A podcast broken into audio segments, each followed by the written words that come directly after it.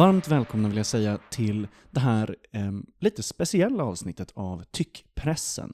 Tyckpressen är ju Dagens ETCs ledarpodd där vi, eh, jag och andra, eh, tillsammans med inbjudna gäster pratar om vad som är rätt och riktigt, bra och dåligt, eh, färskt, gammalt, men framförallt kanske vad som är bra och dålig politik.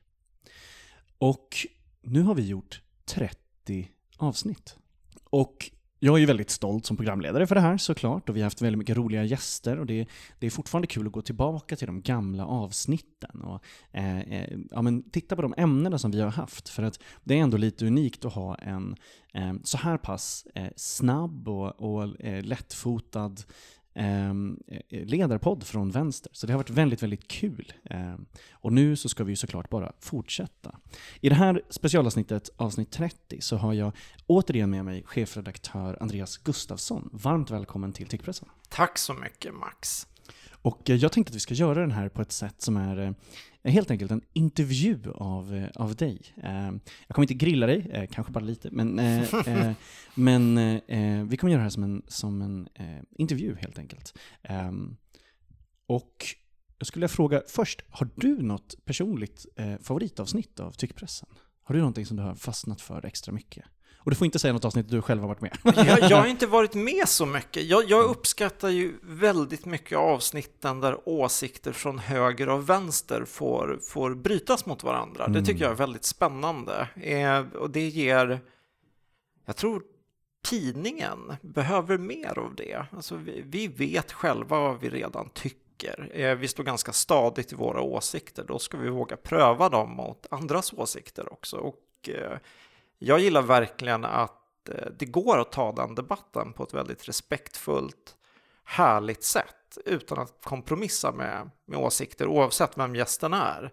Få vara där, tycka sitt, men det, det sker långt bortom eh, liksom, kulturkriget och eh, de låsta positionerna. Det har du gjort grymt bra, Max. Ja, tack snälla. Nej, men jag håller med, de där avsnitten är jätteroliga. Eh, också för att vi alltid hittar common ground. Eh, och då menar inte jag att det finns ett egenvärde just i, i common ground-grejen, men att det är eh, överraskande. Och eh, där det också, jag, menar, eh, jag vill i alla fall tro att eh, en hel del av våra gäster har, eh, de har uttryckt åsikter som jag kanske inte alltid har koll på att de har haft. Och, eh, det har också varit så att en del, jag har kunnat hämta en del progressivt material och en del progressivt liksom, åsikter eh, eh, eh från framförallt de, de höga gästerna, som jag, jag, tycker också att det är bland de bästa vi har haft. Eh, men ett exempel på en diskussion som verkligen gjorde, eh, gjorde mig eh, eh, mycket mer insatt i ett ämne och som gjorde att jag ville läsa på ännu mer, det var när vi hade med Amanda Broberg från Timbro som pratade om Eh, sin kamp för hemmaaborter. Att det är så pass nära idag eh, och att det är så pass säkert, att det är det är ofta så att det är mediciner eller, eller läkemedel då som är mindre farliga än, liksom, långt mindre farliga än typ impotenspiller och sånt där, som skulle kunna hjälpa alla att kunna göra en abort hemifrån. Ehm, och och vilken liksom frihetsreform eh, eh, det vore och så. Och sen har det varit så kul då, för att när vi, efter att vi har pratat om det, Eh, så har Amanda pratat om det här i andra sammanhang och släppt en rapport om det här och sånt där. Och sen blev det ju faktiskt så i riksdagen att, att eh, nu har man röstat för att utreda det här då. Um, det kändes jättekul. Det känns liksom dels den här finger på pulsen-grejen, eh, ehm, eh, men sen väldigt mycket roliga personer. Och de här gästerna, nu, jag ska inte prata för alla dem, men, men flera av gästerna säger ju att det är skönt att ha en podd som inte är en konfliktpodd, där de kan vara med och prata med Eh, några som har andra åsikter, prata med liksom, eh, eh en, en vänster eller en, en rödgrön eh, eh, podd och ledarsida som inte är så himla liksom, eh, bara partister och eh, så. Och att vi liksom alltid har haft ett bra underlag att prata om. vi pratar liksom inte om, om dem som personer, även fast jag tycker det är kul att slänga in lite hån och sånt där ibland. det ska man ha med. Ehm, men det, det är verkligen eh, några av de roligaste eh, eh, avsnitten. Sen är det kul att prata om, jag, menar, jag, jag gillar fortfarande ett av de allra första avsnitten vi gjorde, där vi pratade 30 minuter Liberalerna. Eh, det tycker jag var, det, det kunde de få. Men, men hur, hur tänker du då, Max? Hur höger får man vara och ändå bjudas in till tyckpressen? Just det, det där är en intressant fråga. Ehm, jag eh, sitter ju inte med någon, någon linjal eh, där jag säger så här, men så här många centimeter ut till höger eller, eller så. Ehm, utan det beror ju på vilket sakämne vi pratar om. Eh, och sen skulle jag säga att det som vi aldrig kommer att kompromissa med, det är ju eh, vad man Eh, om jag säger människovärde, då säger Kristdemokraterna att det handlar om något helt annat. Men, men eh, de värderingsmässiga bitarna, eh, eller röda linjerna som vi liksom inte träder över, det handlar ju till exempel om rasism. Eh, det kommer aldrig finnas med en öppen rasist i tyckpressen, för att eh, de har sina egna poddar. um, de är inte heller de rösterna alltid som jag tror att våra läsare är intresserade av att höra mig prata med. Um, och det finns ju en sån, eh, liten grej som, som de gärna säger, eller den kanten och den konservativa kanten säger. Och det, eh, då menar jag, eh, när jag säger konservativa kanten så menar jag den mer högerbiten, det är inte tweed-farbröder från Uppsala. Ehm, men det de säger fortfarande, det är ju, men vi måste ju våga prata om det här. Som att vi inte har gjort något annat i 25 år. Som att de inte har suttit i varenda morgonsoffa, varenda program, haft eh, eh, långa reportage om deras personliga drivkrafter i tidningar som DN och Svenska Dagbladet och, och så. Nu senast var det ju en av programledarna för SDs Riks som fick liksom eh, tre sidor i Dagens Nyheter där de har följt med det här eh, eh, liksom personen i, i flera veckor.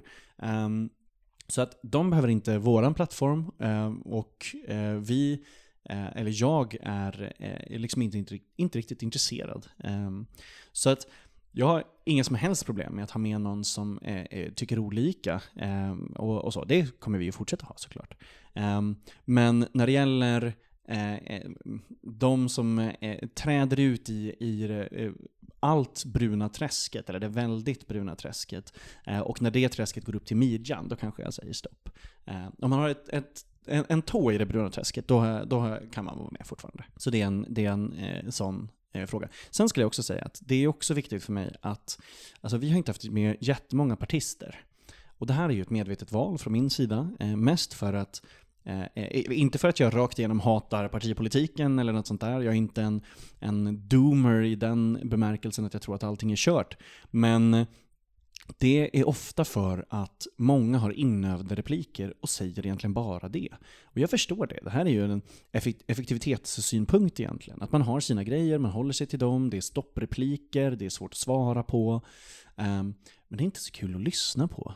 Um, och det blir inte jättebra samtal. Så därför har jag blivit överraskad, positivt överraskad, när vi har haft med några som då släppt sargen egentligen. De har kommit dit, de har träffat mig i studion och eh, eh tagit en kaffe och så har de känt att eh, det här var lite annorlunda. Så då vågar de vara ehm, sina personer egentligen. Och det har, varit, ja, det har faktiskt blivit bra.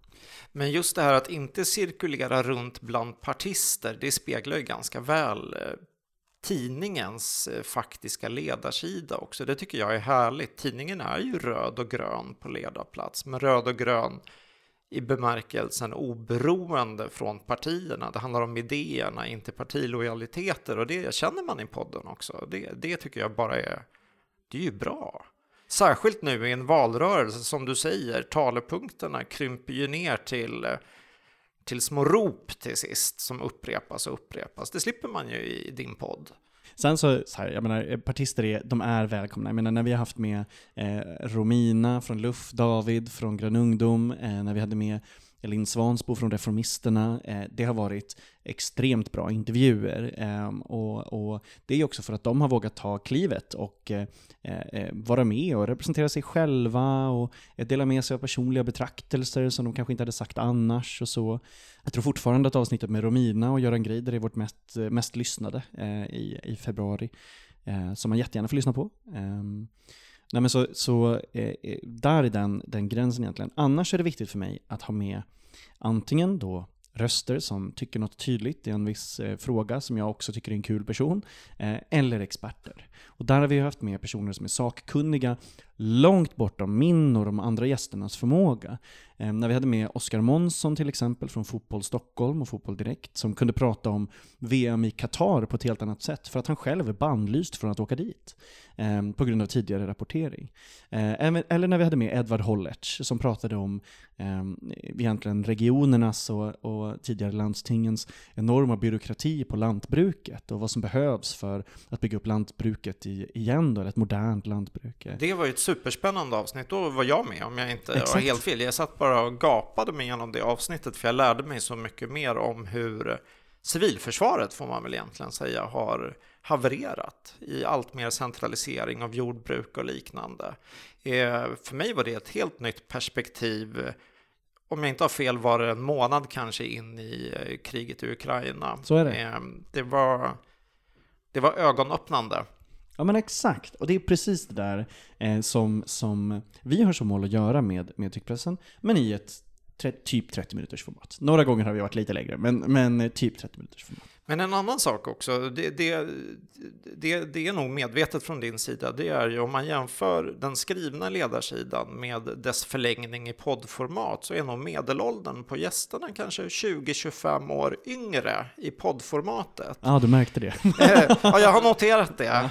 Eh, men det är ju lite andra frågor. Liksom, inte per automatik, men det öppnar upp på ett annat sätt för kanske nya lyssnare och för andra frågeställningar, vilket är bra. Vi vill ju nå så många som möjligt med det vi gör oavsett var vi gör det någonstans. Ja, men exakt, och det där är inte jätteaktivt från min sida, utan det har mest handlat om eh, vilka referensramar ehm, jag själv har och vilka ingångar jag har till, till folk och till organisationer och, och, och sånt där. Men jag håller med, och det roligaste där har varit mötet då, när vi har kunnat sammanföra några som eh, eh, eh ja, men är eh, väldigt olika eh, i det. Det har varit extremt roligt. Eh, när man då, ja, men om man säger att det kanske blir från gamla och nya skolan eller, eller något sånt det är, eh, det är också kul. Och då är det kul att få ha med en ung gäst som kan förklara för Göran Greider vad eh, head empty är, när, eh, liksom är, eh, eh, när det är många som är liksom nästan nihilistiska på typ TikTok och sånt där. Man säger att jag skulle bara vilja ha ett tomt huvud och gå vidare i mitt liv. Det är, det är väldigt kul att få förklara sånt. Sen går det ju i vågor, så att mycket sånt som kommer från de unga gästerna, det är ju sånt som liknar sånt som vi har pratat om förut, eller som samhället har pratat om förut. Eh, men det är, väldigt, eh, det är väldigt roligt. Och jag är också helt säker på att flera av de här gästerna hade ju aldrig någonsin synts i ett sammanhang med, eh, med oss annars. Det kanske i någon artikel någon gång, men det här är ett steg, eller det här är ett sätt att få väldigt många fler att ta ett steg närmare vårt, vår tidning. Och det är jättebra innehållet vi gör varenda dag. Um, och det här leder mig bra eh, in på en punkt som jag döpt till It's a numbers game. Um, om jag, jag ska kasta ut några siffror och så får du associera. Om jag säger 15 000, uh, vad säger du till våra lyssnare då? Då säger jag, det är så många prenumeranter vi har idag och det är, eh, det är ett, vad ska vi säga, ett steg på vägen vidare. Jag tittar ganska mycket på norska Klassekampen som har ungefär dubbelt så mycket prenumeranter som vi har idag. Alltså de, eh, och på helgerna ännu fler. Norge är ett mindre land varför ska inte vi vara stora som Klassekampen? Verkligen! Shape up Sverige! Nej men verkligen. Och framförallt så är de ju inte, jag menar, jag, jag vill tro att vi är mer radikala, eh, eh, eh men eh, nej, för sig, alltså, det är väl ett det är Rött, partiet Rött har ju fortfarande, de har ju fortfarande kvar kravet att de tycker att Norge ska gå ut ur NATO, så det är ju, de har ju lite annorlunda debatt. lite så, lite så ja. Även om vi kanske också snart hamnar där, ja eller kommer att göra det.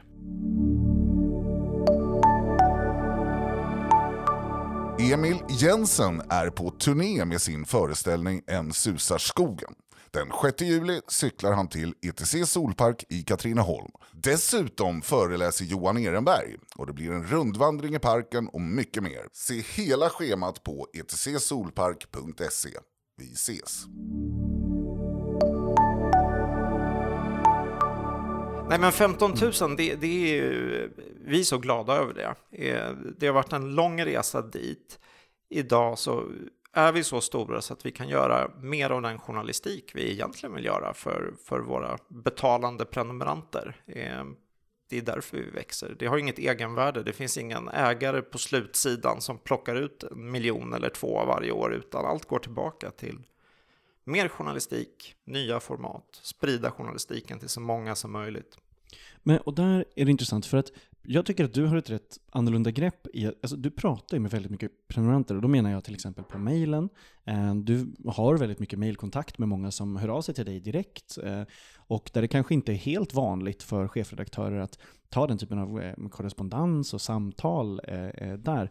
Men och det är ju inte alltid så att det är ett representativt urval eller något sånt där, men, men om du får se någonting då som upp till 15 000, så här, det har ju varit saker som har lett dit och, och sånt där. Om du kan säga någon nyckelfaktor eller någonting som har varit eh, särskilt liksom uppmärksammat från läsarnas håll som har lett till 15 000. Finns det någon sån grej som du skulle kunna säga? Eh, någon, någon tydlig grej där? Finns det någonting som läsarna har reagerat på eller lyft upp som du ser har lett till 15 000? Jag tror att det är känslan av en rörelse, känslan av eh, liksom framåtrörelse kanske mm. till och med. Att man ser varje dag att vi tar kliv att bli någonting bättre, större, viktigare. Eh, anledningen att jag pratar så mycket med läsarna är ju att det är de som har startat den här tidningen. Alltså väldigt direkt lånat ut pengar så att vi kan starta tidningen. Teckna en prenumeration innan tidningen ens fanns. Det är en extrem tacksamhetsskuld egentligen, men det, det är Alltså det, det, låter ju lite cheesy såklart, men vi brukar alltid prata om att vi är Sveriges största redaktion. Att vi är fem, 15, 000, 15 000 personer som diskuterar tidning. Just det, jag har 15 000 kollegor. Det har du, det har du. Och 15 000 personer som säger när du gör rätt och säger när du mm. gör fel. Och de säger verkligen till när de tycker att jag eller kollegor här gör fel. Vi sitter på redaktionen idag, inte i studion. Ja, exakt. Lite annorlunda också. Lite annorlunda. Mm. Nej, men det, det har ju varit turbulent bitvis. Vi har ju haft en diskussion under våren nu kring, kopplad till kriget i Ukraina, mm. kopplad till vad man får uttrycka i relation till vår ledarsida. Och det har ju varit en liksom, smärtsam diskussion att ha på många sätt där hundratals prenumeranter har avkrävt mig svar varför? Hur tänker du? Men det, det, måste man vara beredd på om man jobbar där. Det är, det är inte kunder vi har som läsare, utan det är medgrundare av en dagstidning som ska bli större än vad den är idag. Just det. Um, och uh, ett annat sånt uh, tal som jag bara amen, kastar ut, det är såklart, det är ju eh, uh, 2022, alltså i år. Um, om du får säga någonting som har varit särskilt stort, jag vet att vi, det är just nu massa grejer som händer och sådär, men om det finns någonting som du skulle vilja lyfta från 2022 som du tycker har gått särskilt bra och någonting som har gått särskilt dåligt, så skulle jag vilja ja, men, eh, att du får berätta om, om det. Någonting som har gått väldigt bra 2022 då, hittills i år? Jag skulle säga att vi jag hoppas alla som jobbar här börjar känna oss trygga i att det här fungerar faktiskt samla in pengar till att göra journalistiska satsningar, genomför dem och sen ökar prenumerationsantalet för att tidningen blir bättre. Och då kan vi göra satsningen permanent och så upprepar vi det här framgångsreceptet så mycket och så länge vi bara kan. Och det fungerar. Eh, det som har gått mindre bra i år skulle jag säga är eh, vi har kämpat hårt i åtminstone två och ett halvt år nu för att göra den här resan. Eh, alla har gett allt. Jag sitter ju här och tror åt mig äran nu för andra, andra människors arbete och så är det är väl liksom chefredaktörens lott i livet sådär. Eh, våra granskande reportrar, liksom våra kulturjournalister, våra klimatjournalister, alla har kämpat så otroligt hårt. Eh, det börjar bli dags för semester. Mm. Eh, lite så, hur ska, hur ska vi orka ta det nästa steg? Mm. Inför valet också? Inför valet, inför valet. Eh, jag börjar vi prata om vad som har gått dåligt 2022 är det att vi är en rödgrön tidning och vi har inte lyckats vrida debatten helt ur händerna på de blåbruna krafterna. Mm. Eh, mörka tider. Men eh, det som känns som en nyckel framåt är att vi får nya spännande kollegor och du Max är en av dem. Mm. Du, du ska ju jobba jättemycket med oss i höst när, när du har fått semester. Eh, och det ska bli fantastiskt roligt. Eh, jag, jag, det är dags för en ny start till egentligen. Vart är vi på väg? Jag babblade med läsarna i ett mejl förra veckan. Behöver vi ekonomisidor? Mm. Vänsterpressens första eh, liksom, riktiga ekonomisidor med liksom, kvalitet och kontinuitet som vrider och vänder på perspektiv. Liksom, nära människors privatekonomi men också makro och det stora. Ja, men det, exakt. det skulle vara häftigt. Ja, verkligen. Men och här, det, här, det här är lite det också. För att jag tror att eh, en hel del läsare, men även lyssnare, vill höra vad det är som händer egentligen på redaktionen och på tidningen just nu. Eh, jag skulle vilja ta liksom, tempen på dig så här. Är du är taggad eller orolig? Eh, jag skulle vilja också att du eh, eh, pratar om den här ekonomisatsningen, men också vad du ser ligger i andra delen av vågskålen kanske. Ehm, och sen ska vi prata lite pressstödsutredning. Mm. Men, men först bara här, känslan i, i vad som händer just nu. Är du, eh, är du mer orolig eller mer taggad? Jättetaggad. Alltså, det, nej, men alltså det, jag känner att vi är på väg mot någonting som är eh, viktigt. Alltså, vi, vi, vi gör en bra tidning idag, men vi är precis, vad ska man säga, vid den här liksom gränsen mot någonting annat. Just det. Eh, och det märker man när vi gör läsarundersökningar. Förut var det, ja men jag har också en annan dagstidning. Och måste jag välja, då väljer jag tyvärr bort Dagens ETC. För det är mer ett komplement. Jag uppskattar politiken, det politiska alternativet. Men jag vill ha mina liksom, söndagsrecept och den intervjun och lite sport och så vidare. och så vidare. Ställer vi samma fråga idag så är det färre som har en annan dagstidning vid sidan av Dagens ETC. Och av de som har en annan dagstidning, som ofta är Dagens Nyheter för övrigt, då väljer man bort Dagens Nyheter om, om ekonomin förändras eller om man på något annat sätt ställs inför ett ultimatum. Och då har vi gjort någonting bra. Eh, och det ska bli ännu mer så att, men det är ju självklart, Dagens ETC är en dagstidning, jag tar den. Ja, verkligen. Och eh, där är också, jag tror att jag tror att mycket också handlar om vana just där, eh, sett till, till morgontidning och sådär, eller till dagstidning. Eh, det är ju många som känner, ja men jag är uppvuxen med den där, eller något sånt där. Och där har vi ju liksom inte samma grej, eftersom vi inte har funnits lika länge alls. eh, men men eh, ju mer vi gör som liknar liksom de, ja men så här, som är vanebildande, eh, så tror jag att man ansluter till det. Och det, du nämnde ju det här med rörelse, att man känner sig som en del av rörelse och sånt innan. Det gör ju ingen som har DN. Ingen som har DN känner ju så här, jag är en del av DNs rörelse eller, eller något sånt där. Eh, utan då är det eh, mest en, en social markör eller då en vana. Något unikt för oss där i alla fall, i, in, till viss del, är ju det här med att det i princip blir en kollektiv identitet. Eh, att man känner sig som en del av, av eh, någonting lite närmare. Eh, jag vill tro det i alla fall om, om läsarkretsen, sett till till exempel jag menar, DN. Eh, jag tror att det finns ehm, eh, jag tror inte att det är jättemånga som identifierar sig starkt eh, kopplat till andra som DN-läsare. Jag, tror, jag tror du har rätt. Och liksom idag, från att ha haft egentligen en läsekrets som är alltså, väldigt grovt generaliserat, eh, samhällstillvänd, solidarisk, Mm. grön, 68-vänster. Just det. van att gå in i projekt ekonomiskt och med kraft och verkligen stötta, så har vi idag flera läsekretsar och befinner oss kanske i ett generationsskifte också, där en inte obetydlig andel av våra prenumeranter är jag gillade senaste stora grävande artikeln, jag gillade den där smarta kommentaren, jag testar tidningen. Mm. Jag kanske fortsätter, jag kanske inte fortsätter. Så vi har ett stort, stort flöde av personer som kanske har sett oss flimra förbi i flödet, men det är just en text man vill åt. Just den där texten som tilltalar en så att man, "Aj, jag, jag testar. 39 spänn, det är det värt. Jag vill läsa den här texten. Jag prövar en vecka. Välj ett klimatsnällt sätt att resa i sommar. Med ETC Tåg, ja då slipper du det där krånglet med att boka biljetter hos en massa olika tågoperatörer. Du bokar hela resan, enkelt från en och samma sajt. Därefter får du alla biljetter i ett och samma mejl. Snabbt, enkelt och bra för klimatet. Besök etctag.se. Presstödsutredningen då? Den kommer ju nu, um, eller snart, och eh, det har kommit lite från den.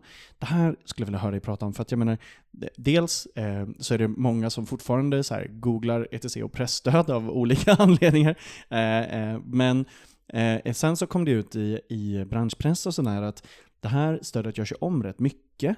Eh, på ett sätt som till exempel gör att Svenska Dagbladet i princip skulle kunna bli helt utan.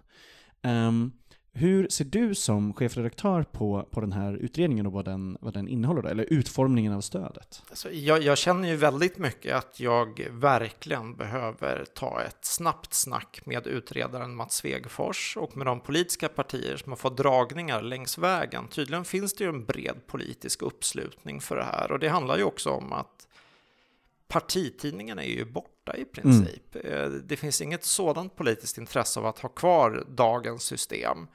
Eh, är jag orolig? Om liksom, värsta scenariot är, okej, okay, allting överförs till lokala medier. Mm. Vi tar bort mångfaldskriteriet. Vi ska stötta kommunal och regional press egentligen. Då kommer Bonnier att få hela stödet. De har ju mm. precis köpt upp egentligen alla lokaltidningar i Sverige med några undantag. Och det är ju roligt eftersom de tidigare har lobbat mot pressstödet. Men så ändrar de sig, köpte alla lokaltidningar och nu ändras då kanske stödet.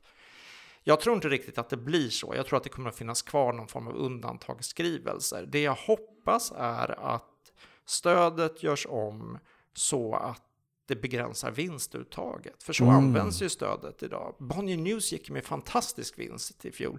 Det är ju pressstöd till lokaltidningarna.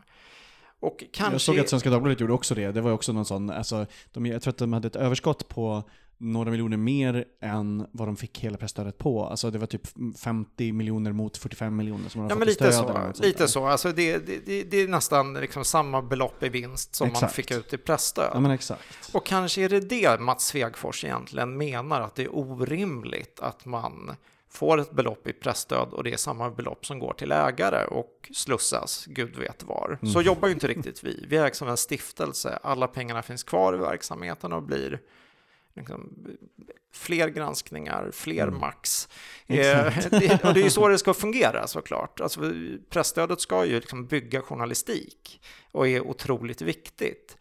Nej men eh, konkret, jag, jag, söker kontakt med politiker med Svegfors. Mm. Jag har börjat prata med andra aktörer inom det man kanske kan kalla vänsterpress. Ingen från den här sidan av det politiska spektrat har vidtalats under den här utredningen. Mm. Samtidigt som Bonnier och Schibsted har konsulterats grundligt av Svegfors. Det tycker jag är märkligt. Speciellt eftersom dagens, vi får ju över 20 miljoner mm. i år presstöd. Vi är en av de största mottagarna. Att inte att inte ställa frågor, att inte prata med oss, det är bara märkligt tycker jag. Eh, jag hoppas att Svegfors, jag hoppas att politiken förstår att utan ett liksom, vitalt pressstöd, ett mm. smart pressstöd, då finns det bara borgerlig press kvar i Sverige. Verkligen. Det eller låtsaspress, alltså sån, helfinansierade partikanaler som Riks typ. Eh, och, ja. och sånt. Eh, som är liksom utanför det men som lajvar journalistik egentligen. Ja, ja. Eh, nej, det, det, är klart att det är ett, det är ett orosmoment. 27 mm. juni kommer utredningen. Mm. Jag, jag, tänker mig att jag redan, jag tänker mig att jag redan den här veckan ska veta vad som händer. Mm. Men är det så att det blir ett värsta scenario, Eh, beslut tas före valet. Mm. Eh, pressstödet görs helt om med en viss avtrappningstid på ett år, två år. Mm. Då betyder det ju att vi behöver ersätta 20 miljoner inom ett år, två år. Vad lätt! ja, ja, men vet du vad svaret är? Att få lika många prenumeranter som Klassekampen. Ja, 27 000 prenumeranter. Får vi det, då kommer vi att ersätta pressstödet mm. i nivå. Ja, verkligen. Där, eh, där hör ni. Jag blir väldigt taggad. Eh, det hade varit jätte... Åh, vad skönt det hade varit. Eh, och sen kan man ta pressstödet ovanpå det också, så blir det... Ja, då blir det en, en ännu, ännu bättre tidning. Mm. Ehm, jag ska släppa dig snart, men jag skulle prata om några grejer som händer i närtid då. Vad, jag har hört att du har bokat Kulturhuset i Stockholm. Vad, vad ska vi göra där? Vi ska ha fest en vecka före valet, 3 september. Eh, vad kommer att hända? Det är plats för ungefär 500-700 personer.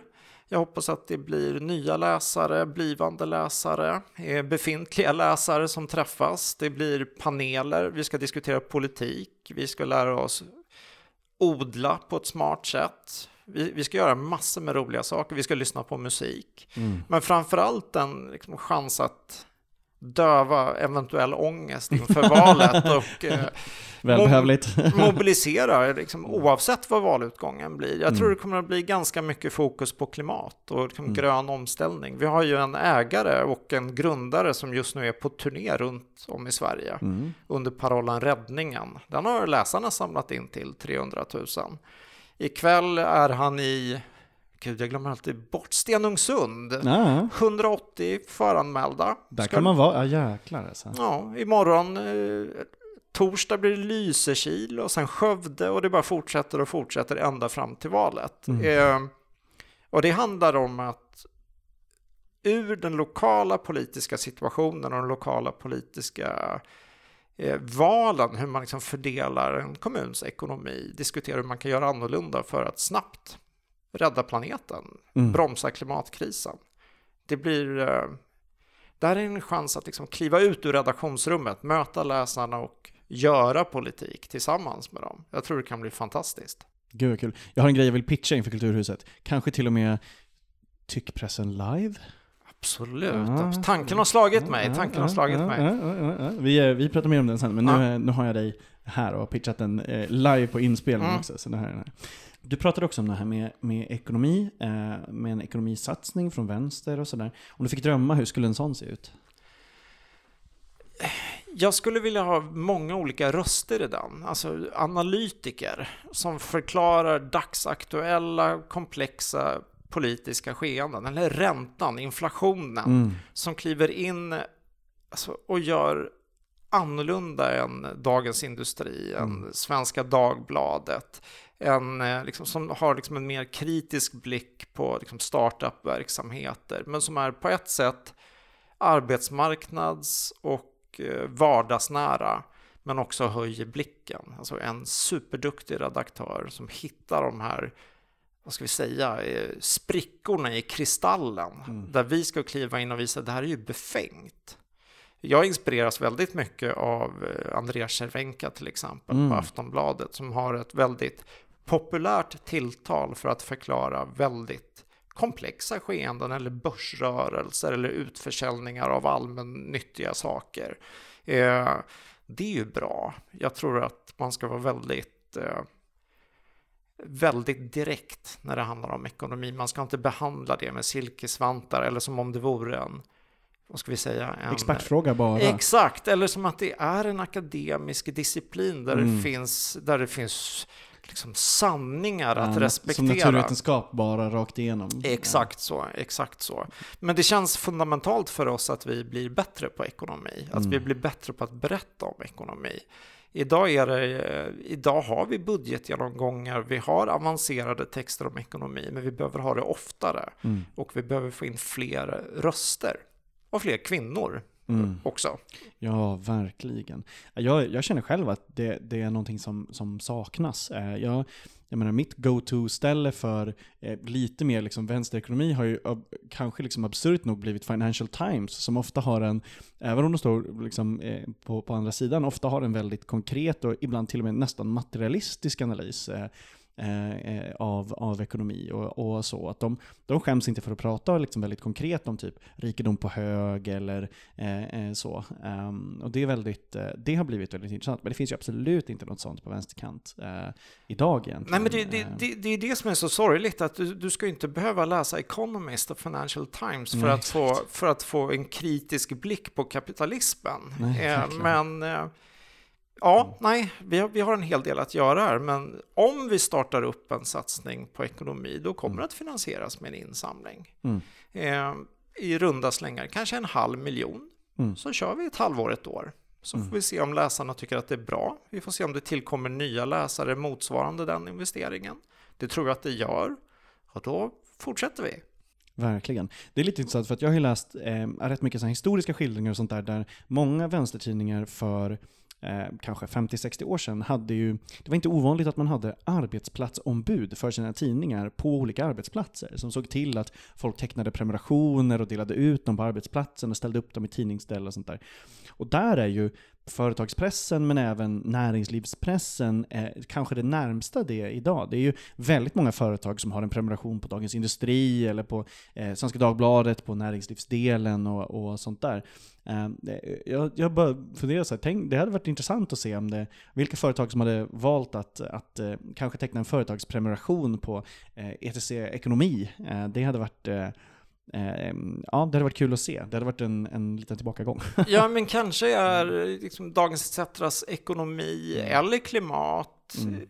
ett nyhetsbrev också inom mm. kort, som man faktiskt prenumererar på som, mm. som ett nischat nyhetsbrev. Nej, men allt det här, alltså det andra företag kallar events, brukar vi, kallar vi bara möten oftast. Just vi, vi, vi, behöver ha mer av det. Det här mm. på Kulturhuset är ju just en sån sak, mm. men att vi eh, det försvann ju lite, eller det försvann ju helt under ja, pandemin ja, ja, såklart. Och det är också en delförklaring till att vi har kunnat fokusera så mycket på journalistiken. Mm. Jag tror att vi börjar lämna tanken att alla personer ska göra allting samtidigt. Att eh, jag är eventchef, jag är också liksom, upplagechef, chefredaktör för journalistiska innehållet och just det debattredaktör och sådär. Vi blir lite, vi blir lite mer eh, professionella Mm. Utan att liksom tappa det vi är och det tror jag är bra. Jag hoppas att vi får en ledare och debattredaktör inom kort också. Så Just bygger vi om ledare och debattsidorna lite grann. Det ska bli kul. Ja, verkligen. Och det har verkligen också varit en sån följetong för läsarna. Som, där har du ju varit helt transparent och pratat om det här egentligen under hela våren. Eh, hur ledarsidan håller på att förändras och sånt där. Det ska bli superkul att se hur det, hur det ser ut. Um, Allra sista frågan. Vad skulle du vilja att eh, vi pratar om i Tyckpressen 60? tyckpressen 60? Ja. Vad, är vi, vad är vi, då är vi... En bit, in, en bit ja. in i nästa år. Mm, Visst blir det så? 30 veckor till, ja exakt. Det blir det. Ja. Eh, då kommer vi att prata om att Dagens ETC slutade året på en bit över 18 000 prenumeranter. För Just det är vår det. målsättning.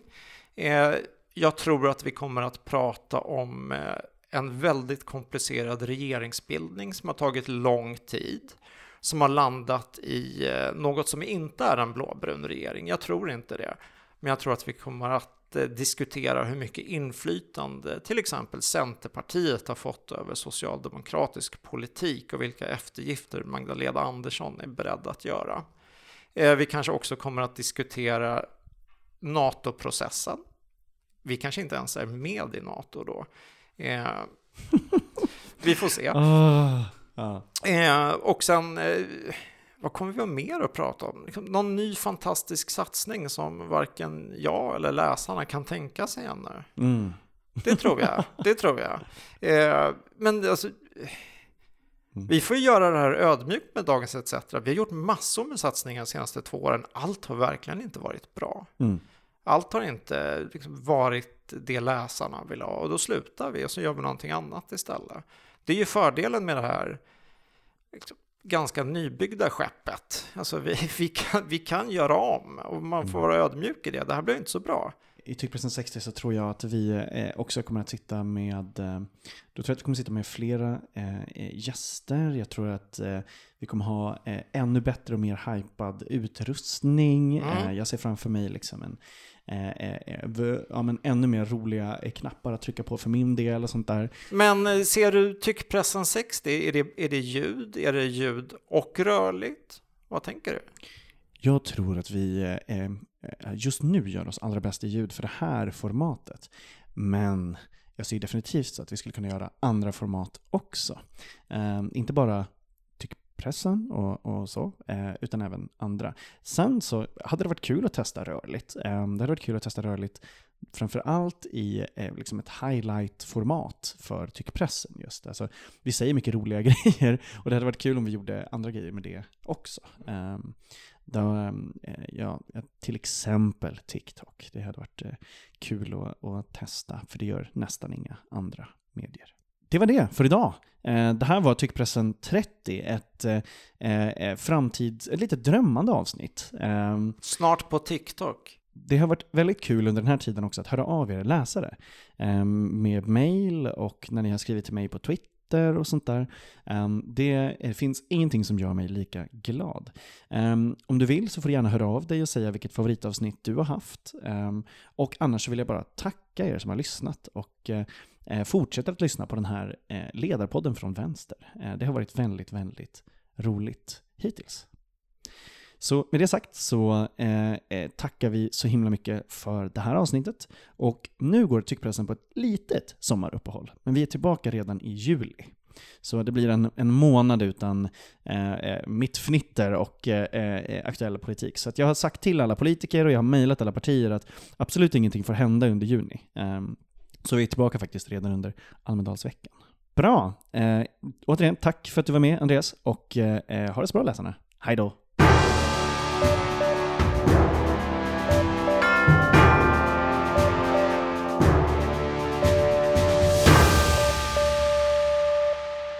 Har du pengar på banken?